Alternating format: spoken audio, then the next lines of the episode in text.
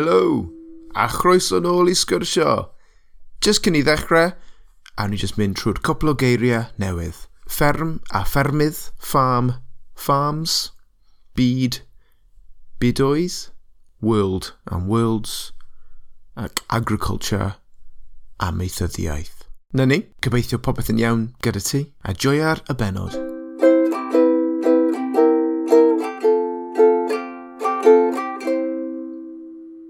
Helo a chroeso i sgyrsio a heddi dwi'n siarad gyda Ro. Siamai Ro, sut o'i ti? Siamai Nick, dwi'n iawn diolch. Sut o'i ti?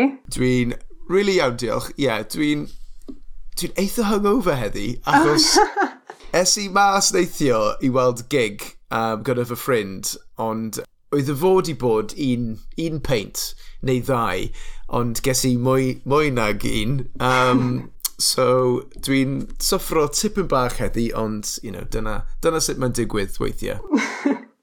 so, gai ofyn, ble o'i ti a hyn o bryd? Uh, Wel, dwi ym Mhentraeth ar Ynys Mon. Dwi byw yma ym Mhentraeth, ond dwi'n dod o'r States yn reiddiol. A ble yn yr States wyt ti'n uh, dod o? Um, nes i tyfu fyny yn Indiana, yn y, wel, canol um, o be ydy East? Dwyrain. Dwyrain, ie. Yeah. yeah. Misleadingly called the Midwest. Ie, mae hynny'n ma hyn misleading. A, a so, pam symudest ti i Gymru? A, a pryd? Ie, yeah, wel, um, nes i ddod yma am y tro cynta um, i gweithio ar y fferm yn y gorllewin yn, yng Nghymru yn 2018, dwi'n meddwl. Mm -hmm. Yn o'n i'n meddwl o'n i'n aros yma am mis just i wneud workstay ar y fferm, ond o'n i'n just ceri y lle, ceri y bobl, ceri y fferm. Yeah. Felly nes i aros am um, pedwar mis oedd yn y yn y diwedd dwi'n meddwl, a wedyn ceri ymlaen teithio gympas yn neud waith ar cwpwl o um, ffermydd gwahanol. Ffermydd? Ie plural, o fferm, dwi'n ddim yn siŵr, ffermydd e. gwahanol. Dwi, dwi ddim yn siŵr, ond ti di bod mwy, mwy, mwy ffermydd na fi, so we'll, I'll, I'll, I'll uh, we'll, we'll go, go with, with your ffermydd, thoughts. Yeah. yeah, um, a wedyn, o'n i'n methu y, y lle, felly nes i mynd nôl i gweithio ar y fferm eto, just cyn Covid, a nes i aros yno dros y cyfnod clo, a wedyn symud i Fengor i wneud uh, degree yn Prifysgol Bangor. O, oh, gwych! Waw! A be oedd y reswm i dewis Cymru yn reiddiol? Achos ti'n gallu gweithio ar unrhyw fferm, unrhyw le. So, dwi'n just... so, ddim angen reswm, ond oes reswm gyda ti? Y deud gwir, oedd yn bach yn random. yeah. Achos o'n i'n teithio o gwmpas am um, cwbl o flynedd, just ar llefydd yn South East Asia ac yn Denmark a Iceland a yn Prydain nefyd. Yeah. Ac o'n i'n chwilio am, am rhywbeth fel fferm bach um, rhywle yn Prydain. a o'n i'n mhm. just ffeindio fferm hyfryd yng Nghymru a wnaethon nhw ddeud da ni'n really angen helpu rŵan, felly os mae yna bobl sy'n eisiau dod am am mis you know os chwilch yn dda just dod am mis a o'n i fel o berffaith N wow. na i ddim. So just weld um, os dwi'n dwi licio y lle a wow, you know, ddim yn gwybod ar y pryd o'n i'n symud yma a setlo yma. Yeah. yeah. Waw. O, gwych. A ga, ga i ofyn yr enw o'r, or y fferm? Ie, yeah, Troi'r hyrw. Um, yn y, yn y gorllewin, dwi'n edrych ti? Ie, yeah, yn Llandysil. Llandysil, o, gwych. A oh, man... sam, wedi, sam wedi bod i Llandysil, sy'n yeah. credu.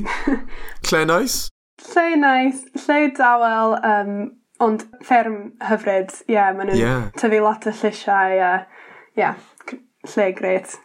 O oh, gwych. A oed ti'n neud unrhyw gwaith fferm lan lan yr ogledd nawr? Neu oed ti'n... Beth, beth yw dy gradd di? Beth oed ti'n astudio? oed ti'n astudio unrhyw beth gyda agriculture? Um, Wel, dwi di... well, dwi wedi gorffen rŵan ond um, o'n i'n astudio agroforestry a food security fell- felly ie rhwbeth tebyg am y am y system bwyd, ie. So rhan o diddordebau ti yw food security, ffermio, pethau fel yna? Ie, bendant. Ie. Gwych. A so nawr, ti byw yma? Dwi'n byw yma, ie. adra ti nawr? Neu ail adra? No, adra, adra. Adra? Ie, Dwi'n really teimlo fel dwi'n adre pan dwi'n yma a ie mae gen i cysylltu cryf i'r lle rwan. Um, Waw. Uh, yeah, hapus i bod yma a... Ie. ...lwcus i ffeindio waith yma. Ie so wyt ti'n gweithio nawr yym yy ym Mangor? Ie yeah, dwi'n gweithio efo RSBB, dwi'n gweithio ar-lein um, felly o'n i'n lwcus i ffeindio gwaith lle rhaid i mi ddim symud rhywle arall dwi'n gallu gweithio a byw yma ar Ynys Môn. Um, yeah, dwi'n gweithio ar...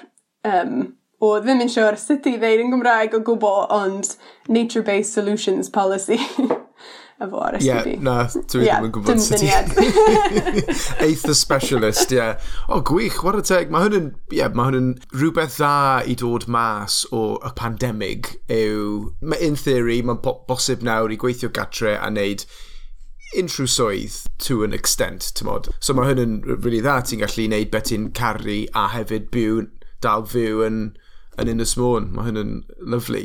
Ie, yeah, bendant. Pam neu falle pryd uh, dechreuais ti dysgu Cymraeg?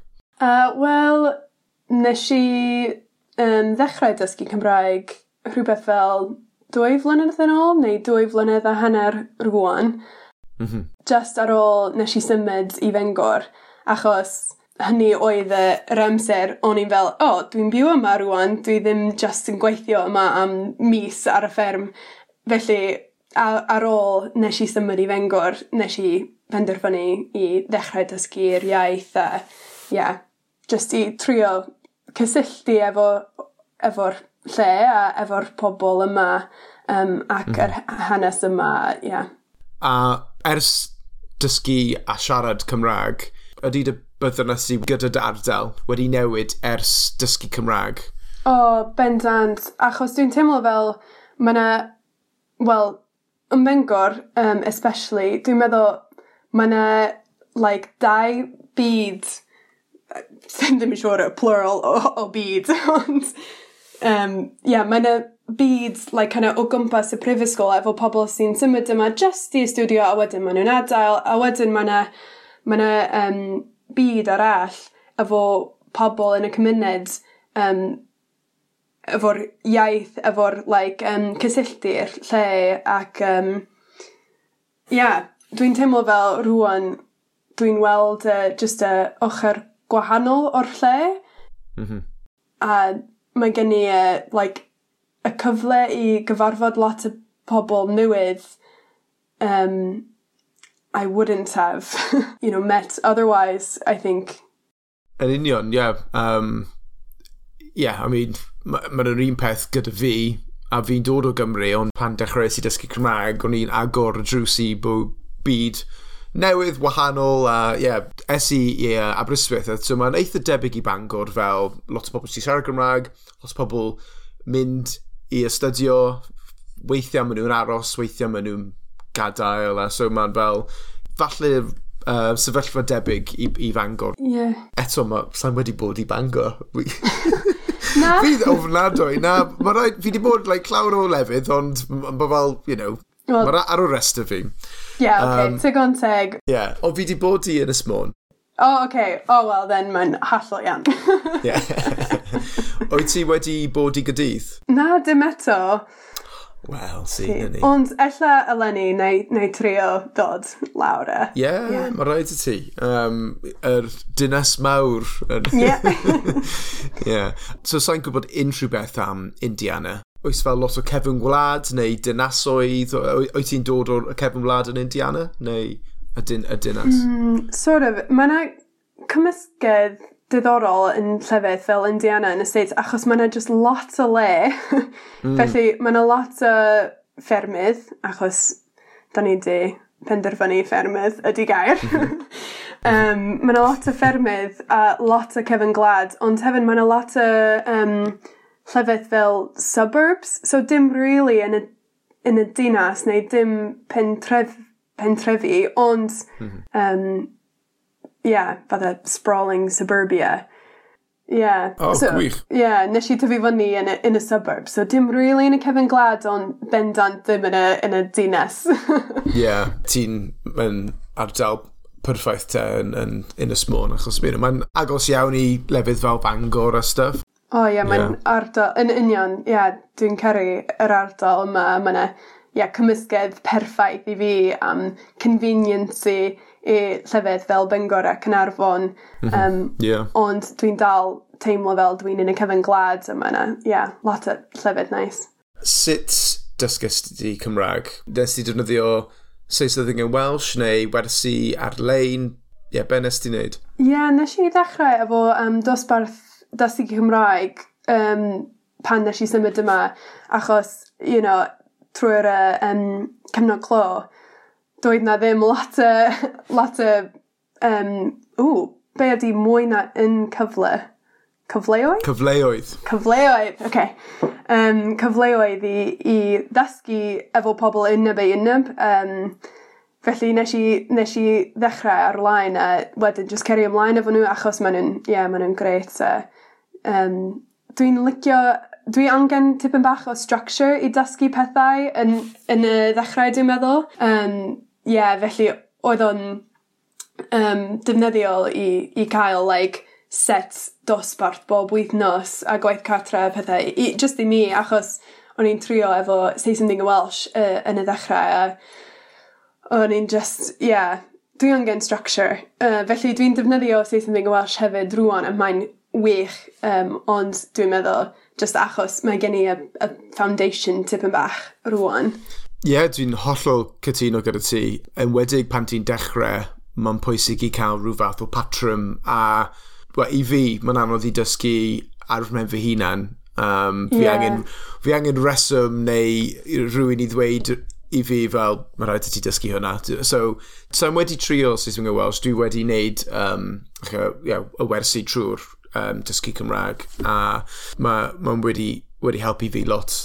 Ie, yeah, mae'n greit. Wel, especially um, dros y cefnod clo dwi'n meddwl you know ie dwi'n 'na ddim cyfleoedd i siarad a cael incentive i like ymarfer um, yn y byd achos o'n i'n just ar ben fy hyn yn fy nhi.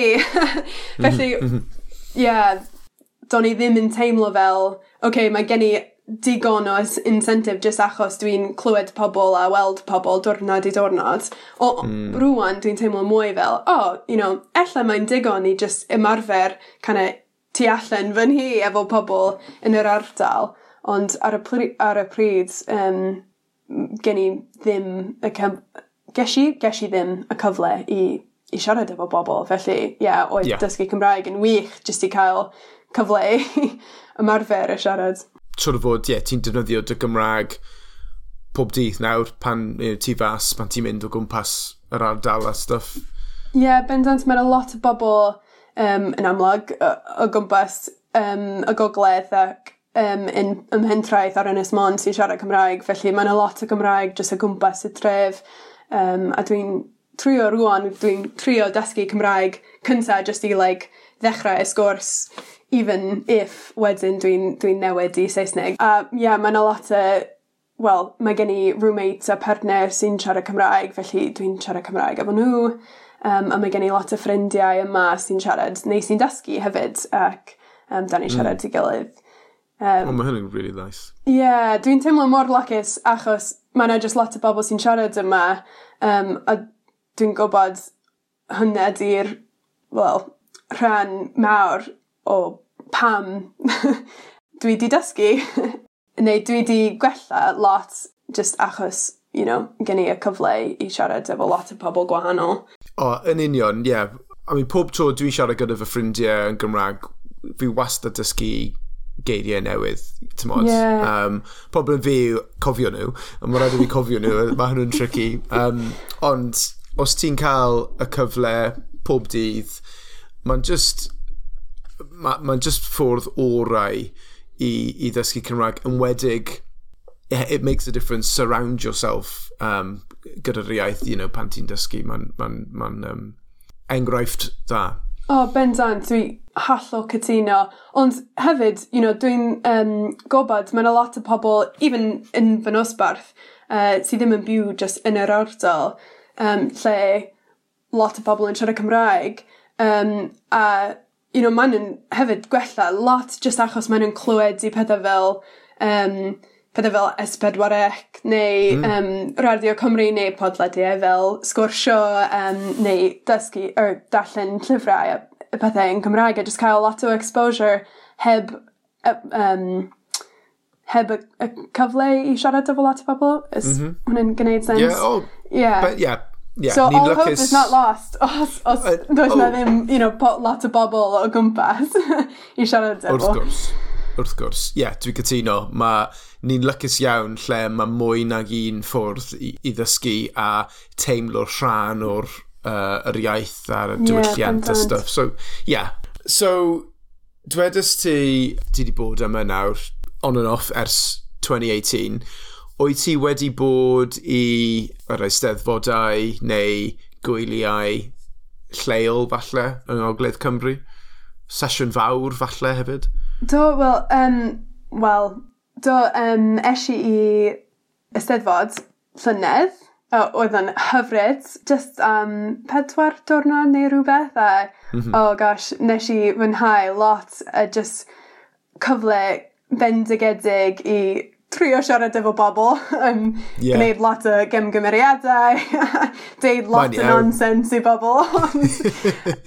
you know, lot o cerddoriaeth hyfryd, a lot o, yeah, just like pethau diddorol, a yeah, cyfle hyfryd i just weld gormod, no, dim gormod, um, gymaint o bobl mm -hmm. sy'n siarad yr iaith yn yr un lle. Yeah, Oedd o'n gret, oedd o'n, ie, yeah, lot o hwyl. Ie, yeah, es i i'r steddfod llynedd hefyd, a ie, yeah, roedd yn briliant. Um, o'n i'n lycus iawn gyda'r uh, tywydd. Oh, a, yeah. Ie, yeah, wel, agos y tro cyntaf ers y cyfnod clo, so roedd yr ysteddfod yn teimlo'n arbennig iawn llynedd, actually. Ie, yeah, oedd yn hyfryd, a, you know, dwi'n teimlo'n lacus achos dwi di byw yma really, like, llawn amser kind of beth like symud yma just, just cyn Covid. Felly, mm. you know, dweud na ddim lot o pethau ddigwydd trwy'r cefnod clo, felly ie, yeah, oedd yn hyfryd i cael ysteddfad nôl ar ôl. Um, mm, yeah. yeah. Oes fel um, foment... Oh god, I, I don't know why I do this sut e? memorable moment. Sa'n so, gwybod sut i dweud hynny yn Gymraeg fel foment cof, cofnogol? Sa'n really been a thing? Mm, sure, ella. Ie, yeah. dwi ddim yn gwybod. I will be of no use to you here. Co memorable cofiadwy. So, foment cofiadwy. Oes foment cofiadwy gyda ti um, o'r Steddfod? O, wel, yn ateb hollol biased, ond achos mae gen i partner sy'n chwarae cerddoriaeth just like gwylio fy mhartner cerddoriaeth. Mm. Um, chwarae cerddoriaeth, ie. Yeah.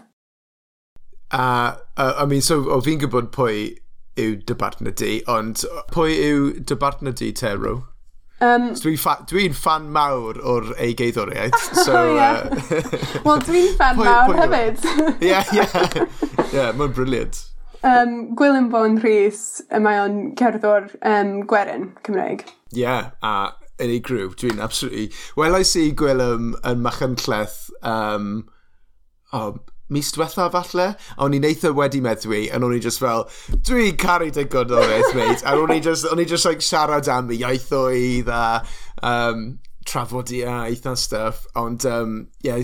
Well, Ie, yeah, mae o'n gobad dwi'n fan mawr o sgwrsio, felly naeth o anfon llun i fi o eich di a fo. oh, Oh my God! Fel look who I met. O'n i fel, oh, wow, Nick o sgwrsio, great. Dwi'n cofio hynny nawr, ie. Ie. O, dwi'n cofio hynny. Oedd self, selfie oedd e? Ie, ie. Ie, dwi'n cofio hynny. Yeah. Oh god. Ie, yeah, dyna, yeah, dyna fe.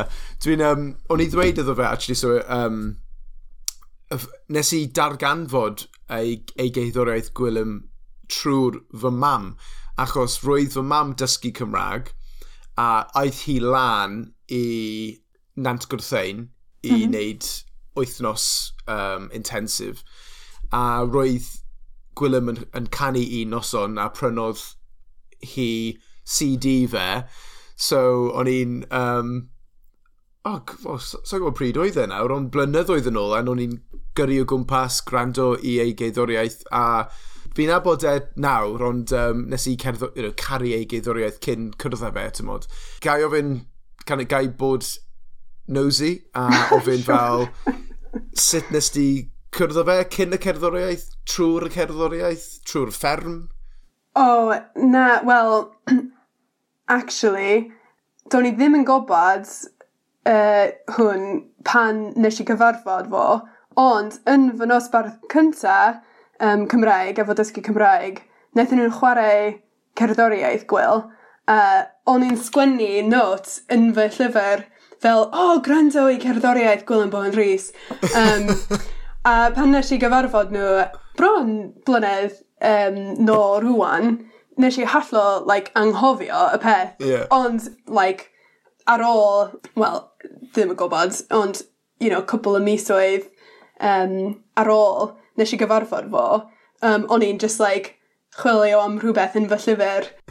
a nes i weld uh, y note, gwrando i gerddoriaeth Colin Bon Rhys, o'n i fel, oh my goodness, well, mi nai. Nes ti ddim ar y pryd? Na, dim ar y pryd yn anffodus, ond dwi'n, you know, dwi'n swnio'n fel dwi'n just biased, ond, you know, mae o'n talentog iawn a dwi'n really ceri cerddor fo. Ie, yeah, mae o'n wych. O, oh, dwi'n hollol, hollol gytuno gyda ti. A wyt ti'n hoffi cerddoriaeth werin in general? Yndw, ie, yeah, dwi'n dwi, hoffi cerddoriaeth werin. Um, Wel, pan o'n i'n tyfu fyny yn y States, nes i rando i lot o cerddoriaeth werin, well, cerddoriaeth kind of bluegrass, uh, old mm. time. Mm Gwych i chi. A yma dwi'n dwi, n, dwi n gwrando i cerddoriaeth Cymreig. Um, yeah. a nes i ddechrau dysgu ffidl blwyddyn yn ôl, felly dwi'n newydd ddechrau dysgu ffidl llynedd a rwan dwi'n chwarae um, yn nos o'n werin yma bob wythnos y Mengor. Da iawn! Mae'n hyfryd, mae'n lle o hyfryd i yeah, chwarae efo bobl a dysgu elawan Cymreig, a siarad efo bobl yn Gymraeg, yeah, mae'n just great. Oh, dwi'n... So, mae ma fiddle gyda fi, a fi moyn... De, de, like, Sa'n gallu canu fiddle. Um, dechreuais i dysgu pan o'n i yn y brifysgol, ond roedd fy tutor i... Um, well, basically, symudodd hi nôl i Canada. So uh, ges i ddim tutor ar ôl hynny, um, a wedi mae wedi bod deng mlynedd nawr, so... Ond fi... O, oh, mae yna ffidl... amser, mae yna amser i um, mynd nôl a... Ma, yeah, dechrau ond, ond fel, you know, nôl i fel y ffordd ni dysgu, mae rhaid i fi ffeindio rhywun i ddysgu fi. Fi ffili wneud e ar fy hem fy hunan, achos fi'n gwybod y ffordd fi'n dysgu, I guess. Oes, oes tutor ffidl gyda ti? Na, Um, Waw. Ond pan o'n i'n gweithio ar y fferm, oedd 'na rhywun yno um, ffrind Teresa um, fi um, sy'n chwarae ffidl um, yn wych, a o'n i'n um, chwarae tipyn bach efo hi felly... mm. ...diolch i hi achos oedd hi'n mor um, amyneddgar efo fi... yeah. ...pan o'n i'n trio chwarae pethau a just screeching away at full volume um, a wedyn uh, nes i brynu ffidl um, llynedd a just dechrau ymarfer ar ben fy hyn um, yn fy nhi a n- rŵan dwi'n chwarae lot efo gwyl uh, you know... chwarae gwych. teg achos mae o'n um, yeah, mae o'n ddysgu fi lot o tunes uh, mae yna um, Mae 'na boi sy'n chwarae fflwt Ceri Rhys Matthews mae o'n hyfryd, a Julie Murphy sy'n caru cerddoriaeth Cymreig um, cerddoriaeth gwerin and mae nhw'n trefnu rhywbeth efo nhw Ysgol o Lawan dwywaith um, o blwyddyn, a mae nhw'n dysgu sut i chwarae lawan Gymraeg ar clistiau, by ear. Oh, wow. Yeah, felly... Be- be- beth ydi lawan sori? Tunes.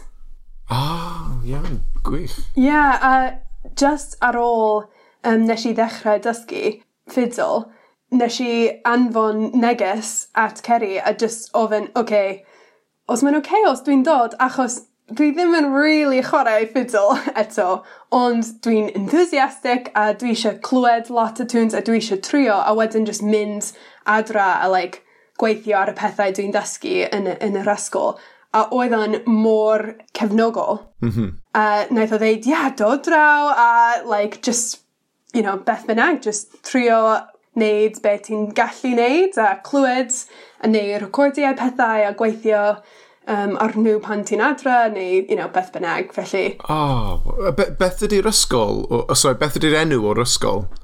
Just ysgol o lawan. Mae'n peth hallo, wel, tipyn bach informal, Ond maen nhw'n neud... Ond swnio'n really hwyl. O, oh, mae'n lot o hwyl, a maen nhw'n gret, a maen nhw'n mor um, croesaw, croesawgar. Croesaw? Mm -hmm. Yeah.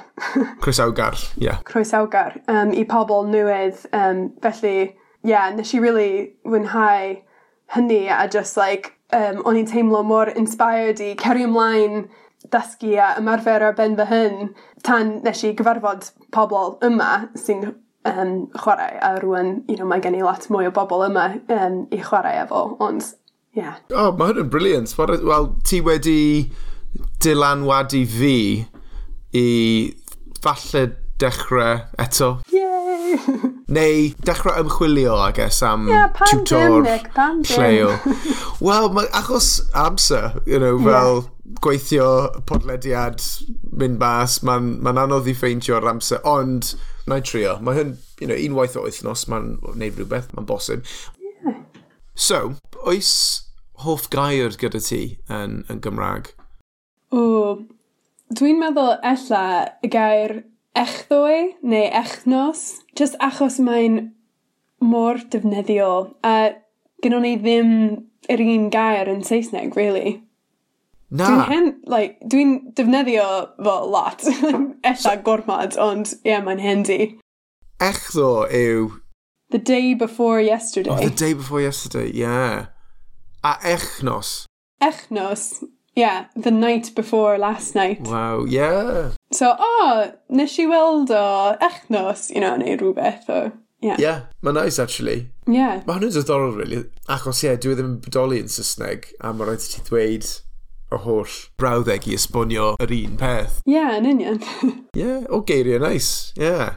Dwi wastad newid be fi'n beth yw fy hoff gair fi, ond a hyn o bryd dwi'n credu sglodion yw'r oh, gair. O, sglodion yn nes. Yeah. Pobl yn defnyddio y gair sglodion, really? Na, dim llawer. Really. Na. Ie, yeah, okay. Yn anffodus. Bring it back. bring back the sglodion. Falle mae rhaid i ni'n creu Chris T a dweud yeah. def defnyddiwch sglodion. Campaign nesaf chdi dwi'n meddwl. Ie, ie. Ie, mae'n rhaid i wneud rhywbeth fel yna. Gyda dy daith uh, dysgu Cymraeg, oed ti wedi cael unrhyw straeon ddoniol? Wel, mae gen i un straeon, ond er, un straeon ydy plural neu singular neu yr ddau? ddim yn siŵr. Stori yw un falle, a straeon neu storiau Okay, yn gwneud sens. Okay, wel mae gen i un. Iawn. Ond dwi ddim yn siŵr os dwi'n gallu ddeud o'n Gymraeg, ond na i trio. Trio. um, felly, mae gen i ffrind yn y States, a un a'i theulu hi, mae nhw'n ddeud, pan maen nhw'n gorffen super, maen nhw'n ddeud yn Saesneg, the little man has shut the door. Fel, dwi'n llawn, ti'n gwybod? felly, pan o'n i'n byw yn y States, um, nes i ddechrau like, deud yr un peth, a pan o'n i'n symud, um, pan nes i symud yma, hmm. um, o'n i'n ddeud o lot ar ôl super efo fy roommate, felly nath ni ddechrau deud yr un peth. A, yeah. you know, mae gen i, mae gen i habit ddrwg o um, trio cyfeithi pethau sydd o mm. Saesneg Americana i fi Gymraeg, a yeah. maen nhw ddim yn gwneud sens o gwbl. um, felly, un, un nos ar ôl super, nes i just um, deud, o, oh, wel, mae'r dyn bach wedi cael drws. you know, dim, mm. dim cydestyn o gwbl, no context. na, a, you know, ond wedyn, um, you know, rwan, yeah. fi a fy roommate yn, yn deud y peth lot a efo gwyl a efo cwbl o fy ffrindiau, um, ne, like, nawn ni just deud o ar ôl super, fel joke bach. Um, ond habit tipyn bach rwan hefyd, yn yeah. anffodus. um, felly, llynedd, pan um, nes i ddechrau fy swydd newydd efo RSPB, mi eisi i Loegr i gyfarfod cwbl o bobl dwi'n gweithio efo. Yeah. A aethon ni mynd allan i swper, A ti'n gwybod pam mae yna like grŵp mawr o bobl yn y lle a am un rheswm, ddim yn siŵr pam, like pawb yn stapio siarad ar yr un pryd. A mae'n awkward iawn achos mae'n just dawel. Yeah. Um, and, you know, ddim yn siŵr pam, ond eshi just allan efo, and, like, nes i just ddeud, um, Wel, mae'r dyn bach wedi cael y drws. Yn Gymraeg hefyd? Yn Gymraeg! Just, ddim yn siŵr pam. Um, ond, you know, pawb yn edrych at y fi a deud, like, oh, wow, like, swnio'n diddorol, like, be oedd o, you know, and um, o'n i'n fel, oh, it means the little man has shut the door. Yeah, yeah. like, a wedyn, yeah, but pawb just simmered ymlaen, like, okay, crazy lady in, yn yeah. y gornel, kind of beth. Um, oh, a roti newydd hefyd. Yeah. Yeah. Yn union, felly, you know, o'n i'n nervous iawn, a ddim yn siŵr pam, ond, you know, dwi di ddim... Um, like, esbonio pam nes i ddeud o neu unrhyw beth. A ar ôl hynny, o'n i'n meddwl, oh my gosh, dwi'n like, dysgwyr hollol irresponsible efo'r iaith, achos rwan mae yna like, grŵp bach, ond grŵp o bobl yn Lloegr sy'n credu mae yna like, dywedi dywediad? Saying, um, dywediad Cymraeg mae'r dyn bach wedi cael y drws i ddeud pan ti'n llawn, fatha, like, o, oh, mae yna rhywbeth hanesyddol o, o yeah. Gymru neu something. Uh, mae'n just hallol nonsense, so, you know, fy ffrind. mae hwn yn hilarious, ond, ar yr un peth, fel, mae dywyd... Dyweddiadau? Beth ydi saying? Dywediadau. Oh, dwi... Dwi... I wrote it down. Dywediad. Dywediad. I mean, mae mae ma rhaid iddyn nhw dod o rhywle. Ie. Yeah. A falle, so, dwi, dwi, ti di dechrau... Dwi di newid y iaith rwan. Yeah. ti, di, ti di dechrau dywediad. E. So mae dyn bach wedi cael, cael y drws na. Ie, yeah, mae'r dyn bach wedi cael y drws. It's me bringing uh, bringing a little of the American English with me, you know. pam, pam lai. O, Ond, ti'n gwybod beth, dwi'n neud yr un peth pan dwi'n cyfieithu pethau um, syth o Saesneg a yeah, weithiau dwi e ddim yn, dwi e ddim yn gweithio. Ond, uh, you know, mae'n ma gallu bod hwyl. Yeah, we're good. Yeah, what a teg. Diolch am rhannu hynna. Um, gyda fel dysgu a geiriau, beth ti'n neud i helpu ti os ti i dysgu pethau newydd? Wel, dwi'n darllen lot achos, wel, fel um, lot o pobl yn ddeud um, pan ti'n trio dysgu'r iaith like neud y pethau yn y iaith newydd ti'n licio neud yn barod. Mhm. Felly dwi'n ceru um, darllen felly nes i ddechrau darllen lot o um, llyfrau amdani like y llyfr, llyfrau i dysgwyr o dysgu Cymraeg. Mm -hmm. Ble wyt ti'n prynu nhw? Just ar, yn siop lleol neu...? Ie, yeah, dwi'n... Yeah. Mae yna siop llyfrau yma, wel, yng Nghanarfon, Palace Print, e, a gaethon nhw e, lot, o, mm. lot o llyfrau i ddysgwyr, felly nes i brynu lot o nhw yna, neu ar, ar-line ar G Wales. Mm -hmm. um, Ie, yeah, mae yna wefan efo lot o llyfrau um, Cymreig. Gwych. Mae nhw'n ma nhw gret. Beth, yw, beth oedd dy hoff lyfr dysgwr? Cwestiwn anodd. Yeah. um, so, rwan dwi'n darllen lot o llyfrau yn, like, i pobl yn lefel sylfaen. Mm -hmm. Mae yna un ffynest sy'n sy um, llyfr nice. Beth ydy'n nhw? Fe ffenest? Yeah. Ie. Yeah. Yeah. A hefyd, dwi'n really licio um, uh, cilchgraw lingo newydd.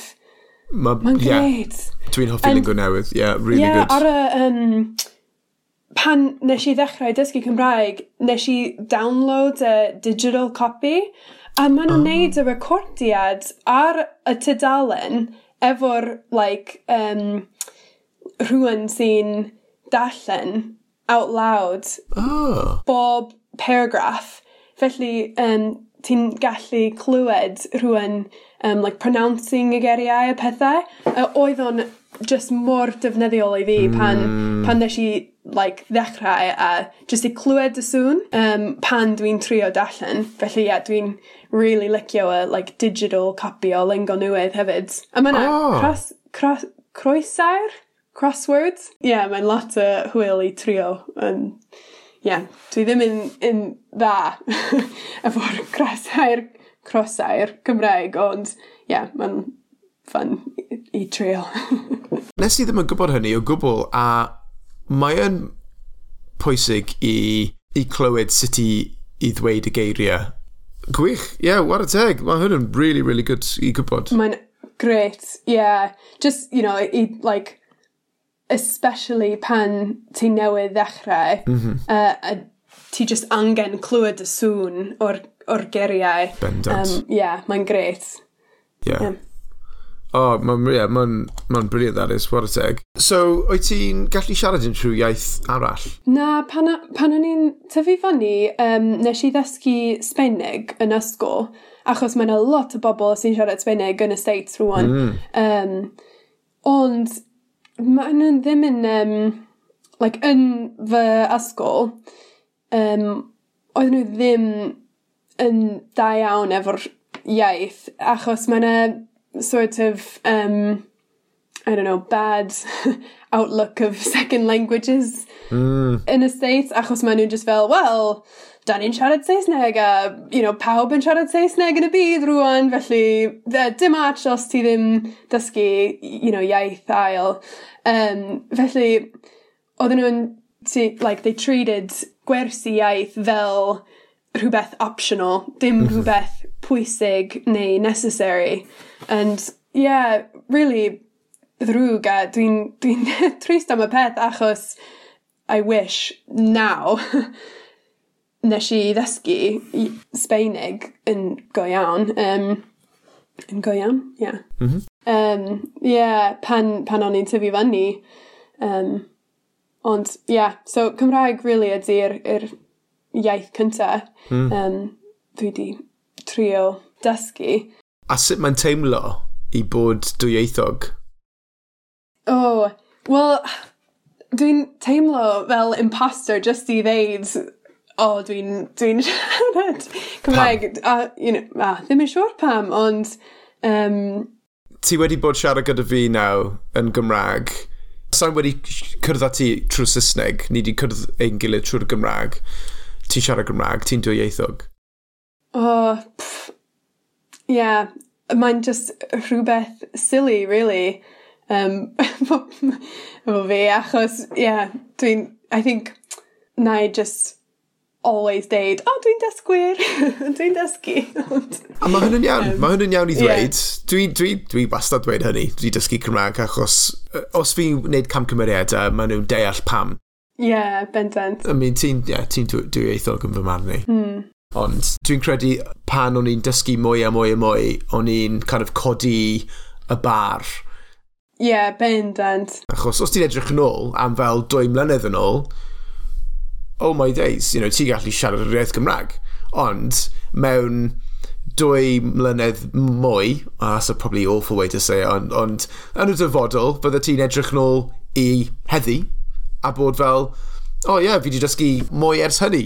Ie, yeah, bendant the, just, you know, mae'n haws i meddwl, okay, os dwi ddim yn gallu deud unrhyw beth dwi eisiau deud, unrhyw pryd, ym, ymperffaith, wedyn dwi ddim yn, you know, like siarad y iaith go iawn. Ond mae'n stupid achos mae'n y pethau yn Saesneg. Weithiau dwi'n, dwi you know, dwi'n gwneud lot o gymgymeriadau yn Saesneg mm. hefyd. Um, a, you know, mae'n hollol iawn. Mae'n lot o bobl sy'n siarad Cymraeg yn rhegol a defnyddio geiriau Saesneg neu, you know, gwneud yeah. cem cymeriadau efo treigladau a pethau, And, you know, okay, well, da ni'n dallt y gilydd, okay, mae'n iawn. yn union, yn union. Ond, ie, yeah, mae'n mae diddorol ddo i, mae'n wastad diddorol i, i cyrraedd pobl sydd wedi dechrau dysgu a, ie, yeah, dwi'n deall pam ti'n dysgu Cymraeg, ond fel dwedais dwedais ti, you know, roedd yn bosib i dysgu unrhyw iaith, really, a you know, ti'n ti dysgu yr, yr iaith o'r wlad ma. Mae'n um, a mae'n ma pwysig iawn, achos siwr o fod ti'n wedi cwrdd pobl sydd wedi symud yma, ddim dysgu yr iaith. A yn yr ardal ti, mae'n mae'n really pwysig, achos mae yn yr, yr, yr iaith o'r y cymuned, ti'n modd?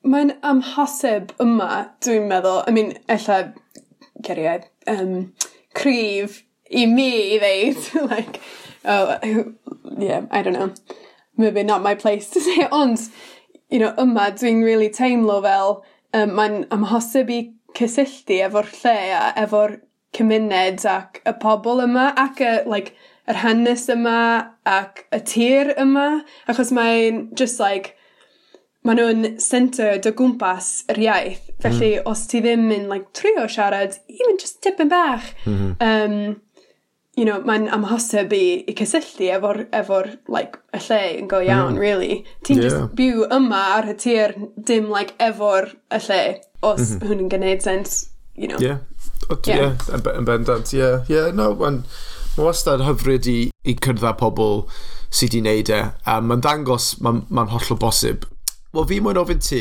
y cwestiwn olaf. So, oes, um, so mae peiriant amser gyda ti, Rome, a ti'n gallu mynd nôl mewn amser ac yn weld tri lefydd wahanol, uh, ble mm -hmm. fasa ti mynd? OK. Cwestiwn anodd. Nick, y deud y gwir. Um, ond dwi'n meddwl, um, dwi eisiau mynd nôl i Gogledd America, mm -hmm. um, yn yr ardal lle um, nes i tyfu fyny felly like in y Midwest, uh, weld y lle cyn um, y colonisers yn cyrraedd. Mm -hmm. Just i weld like rhai o'r indigenous um, tribes sy'n byw yma a sut wnaethon nhw byw efo'r tir ac um, just weld weld y lle cyn all of the nonsense that occurred after the white Europeans arrived. Mm. Um, bydd, y, bydd y cyfle dda i i mynd nôl a, a weld America fel na. Ie, yeah, dwi'n cytuno gyda ti. Ie, yeah, unrhyw, unrhyw le arall? Ie, yeah, hefyd, achos dwi'n nerd. um, dwi hefyd. Dwi, dwi eisiau mynd nôl i groeg, o, oh, nes i sgwynnu lawr, groeg hynafol, Ancient Greece. O, ie. Yeah.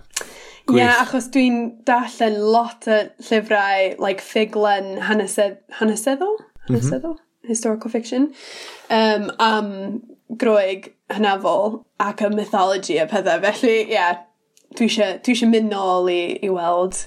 Ie. Yeah.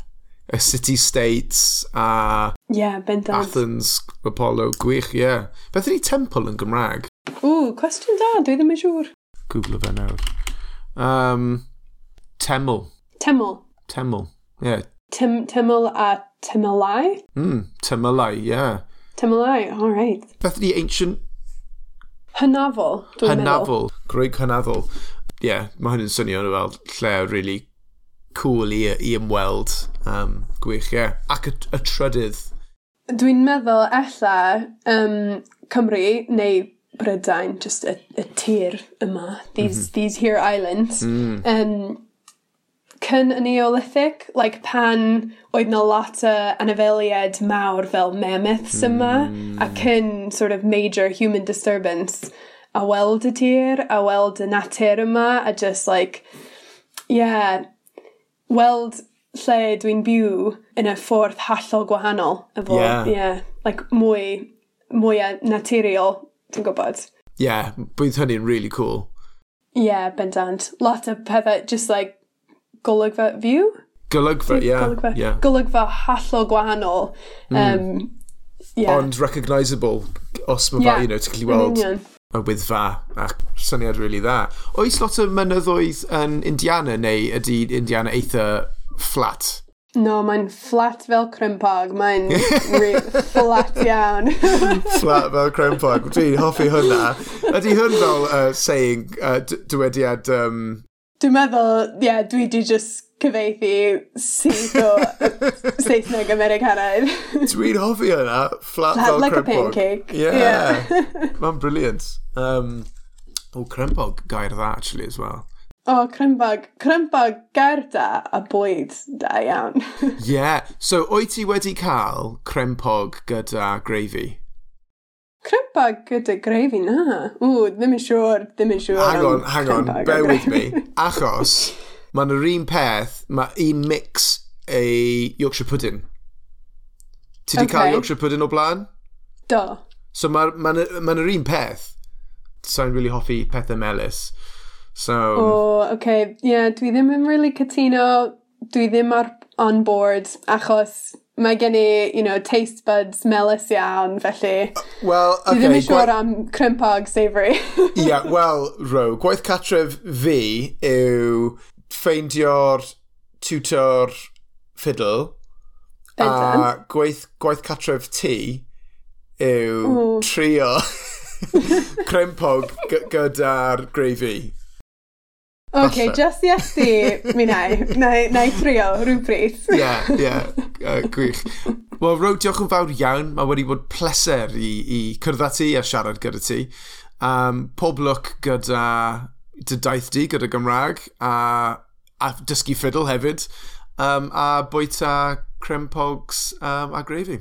O oh, diolch yn fawr Nick. Oedd o'n hyfryd i siarad efo chdi a ia, poblog efo dy daith um, dysgu ffidl hefyd. Diolch. Ie. Yeah. Gawn ni weld, gawn ni weld. Oce, okay, hwyl fawr. Wel, diolch. Tara. Wel, dyna ni. Cofio mae'n bosib i dilyn ni ar Instagram, Twitter a Facebook. Hwyl am y tro. Tara.